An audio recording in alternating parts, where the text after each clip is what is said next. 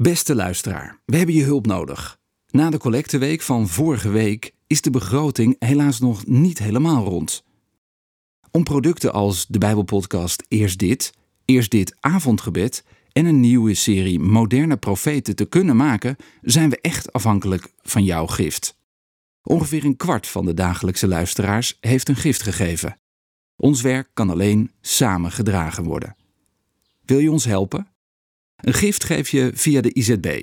Dat kan gemakkelijk en veilig via een tikkie in het berichtencentrum in de Eerst Dit app of op izb.nl. Heel hartelijk dank alvast. Eerst dit, de Bijbelpodcast van de Evangelische Omroep IZB en NPO Radio 5, die je elke werkdag helpt ontdekken wat Jezus volgen voor jou betekent. Vandaag door Kees van Ekris.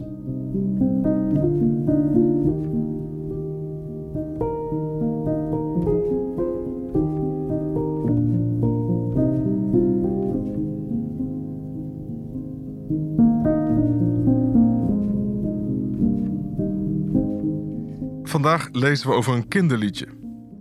Lucas 7, vers 28 tot 35. Jezus zegt: Ik zeg jullie, van alle die geboren zijn uit een vrouw is niemand groter dan Johannes.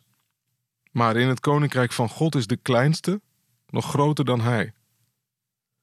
Alle mensen die dit hoorden, ook de tollenaars, brachten hulde aan God en zijn gerechtigheid. Ze hadden zich immers door Johannes laten dopen. Maar de fariseeën en de wetgeleerden verwierpen het plan van God. Zij hadden zich immers niet door hem laten dopen. Waarmee zal ik dan de mensen van deze generatie vergelijken? Waarop lijken ze? Ze lijken op kinderen die op het marktplein zitten en elkaar toeroepen: Toen we voor jullie op de fluit speelden, wilden jullie niet dansen. Toen we een klaaglied zongen, wilden jullie niet treuren. Want Johannes de Doper is gekomen hij eet geen brood en drinkt geen wijn, en jullie zeggen: Hij is door een demon bezeten. De mensenzoon is gekomen, hij eet en drinkt wel, en jullie zeggen: Kijk wat een veelvraat, wat een dronkaard, die vriend van tollenaars en zondaars. En toch is de wijsheid door al haar kinderen in het gelijk gesteld.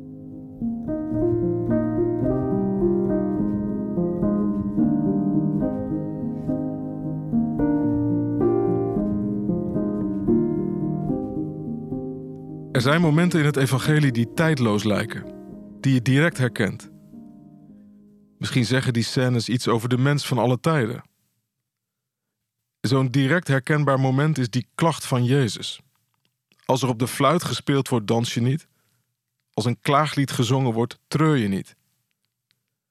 Waarschijnlijk is het een kinderliedje dat geciteerd werd. Dat zongen kinderen vrij pesterig, denk ik, tegen vriendjes die nergens zin in hadden. Zullen we bruiloftje spelen? Nee, geen zin. Zullen we begrafenisje spelen? Met een optocht en een klein theater? Nee, geen zin. Je ziet de verveelde gezichten voor je. Nergens zin in. Niet in beweging te krijgen. Zo, zegt Jezus, zo zijn mijn tijdgenoten. Toen Johannes kwam, zei men: Hij is extreem. Het is een asceet. Hij woont in de woestijn. Zijn woorden zijn streng en onrealistisch, vreemde gast. Dan komt de zoon des mensen. Hij is geen asceet. Hij eet en drinkt. Hij trekt zich niet terug, maar gaat met iedereen om. En wat zegt men? Hij gaat met de verkeerde mensen om. Hij drinkt wijn, eet uitbundig. De bottom line is altijd mitsen en maren. Altijd kritisch, maar eigenlijk ook altijd apathisch, van binnen onaangeraakt? Mooie vraag. Dans je wel eens vanwege de vreugde om het evangelie? Maak je wel eens een extravagant gebaar voor God? Dat je een sprong neemt? Zet je wel eens je bankrekening open voor iets dat je hart raakt en je denkt: nu ga ik eerst zitten en mijn hart laten spreken? Neem je wel eens een onverwachte stap in je leven, omdat je voelt: de geest duwt mij nu naar voren. Nu is het jouw beurt. En ook treur je wel eens dat je stuk gaat vanwege jezelf, vanwege je zonde, je hardheid, je egoïsme, je hoogmoed, om de cultuur waarin je leeft en waar je deel aan hebt, om een oorlog die ons de realiteit van het mens zijn laat zien. Heb je tijden van inkeer, dat je je laat screenen door God, bereid om te treuren om wat niet oké is in jouw leven? Misschien merken we die houding wel het meeste rond de liturgie, de preek en de samenkomst. Hoe snel hebben wij dan onze mitsen en maren klaar? Hoe snel ben je de inhoud op een afstand hoe snel ben je om de inhoud op een afstand te houden? Waarom reserveren we de zondag niet om een hele dag de dingen van God op ons in te laten werken? In vreugde en in verdieping, maar ook in berouw en inkeer. Is de liturgie niet een uitnodiging om te dansen en om te treuren? En is de apathie en de kritiek en de afstandelijkheid en de onveranderlijkheid, is dat niet wat Jezus betreurt? Is dat de grote makke van ons Nederlanders, kerkelijk en seculier? De lauwheid? Bono van U2 heeft een mooi nummer geschreven met de zin: How can you stand next to the truth and not see it? Schitterende vraag. Hoe kun je zo vlak bij de waarheid zijn en het niet zien? Hoe kun je het evangelie horen en niet dansen? Hoe kun je Gods gebod horen en niet treuren en willen veranderen? En de volgende regel van Bono is: Oh, change of heart comes slow. Verandering van je hart gaat langzaam. Zeker als je hart koud is of verveeld. Dan ben je moeilijk te veranderen, toch? Na dit gedeelte plaatst Lucas de scène over de zondares die Jezus zalft met mirre en zijn voeten droogt met, met haar haren. Zij kent de waarheid, ze staat er vlakbij. Ze kent de waarheid over zichzelf en over Jezus. En ze denkt, nu hij zo vlakbij is, nu ga ik naar hem toe.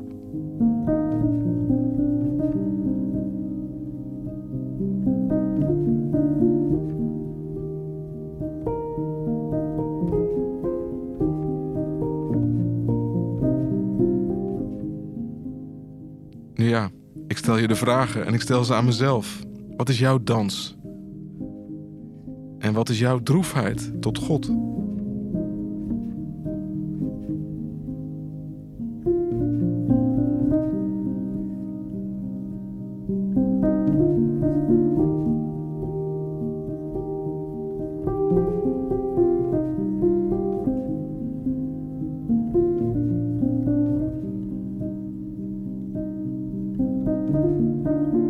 Wij bidden u, goede God, om oprechtheid, oprechte vreugde, oprechte inkeer. Wij bidden of u met kracht de bevroren zee in ons innerlijk wilt doorbreken. Dat het van binnen begint te golven, te stromen. Dat fonteinen van levend water opspringen. En dat het stil wordt en aandachtigt. Dat wij u durven volgen. Dat bidden wij u. In de naam van Jezus Christus, onze Heer. Amen.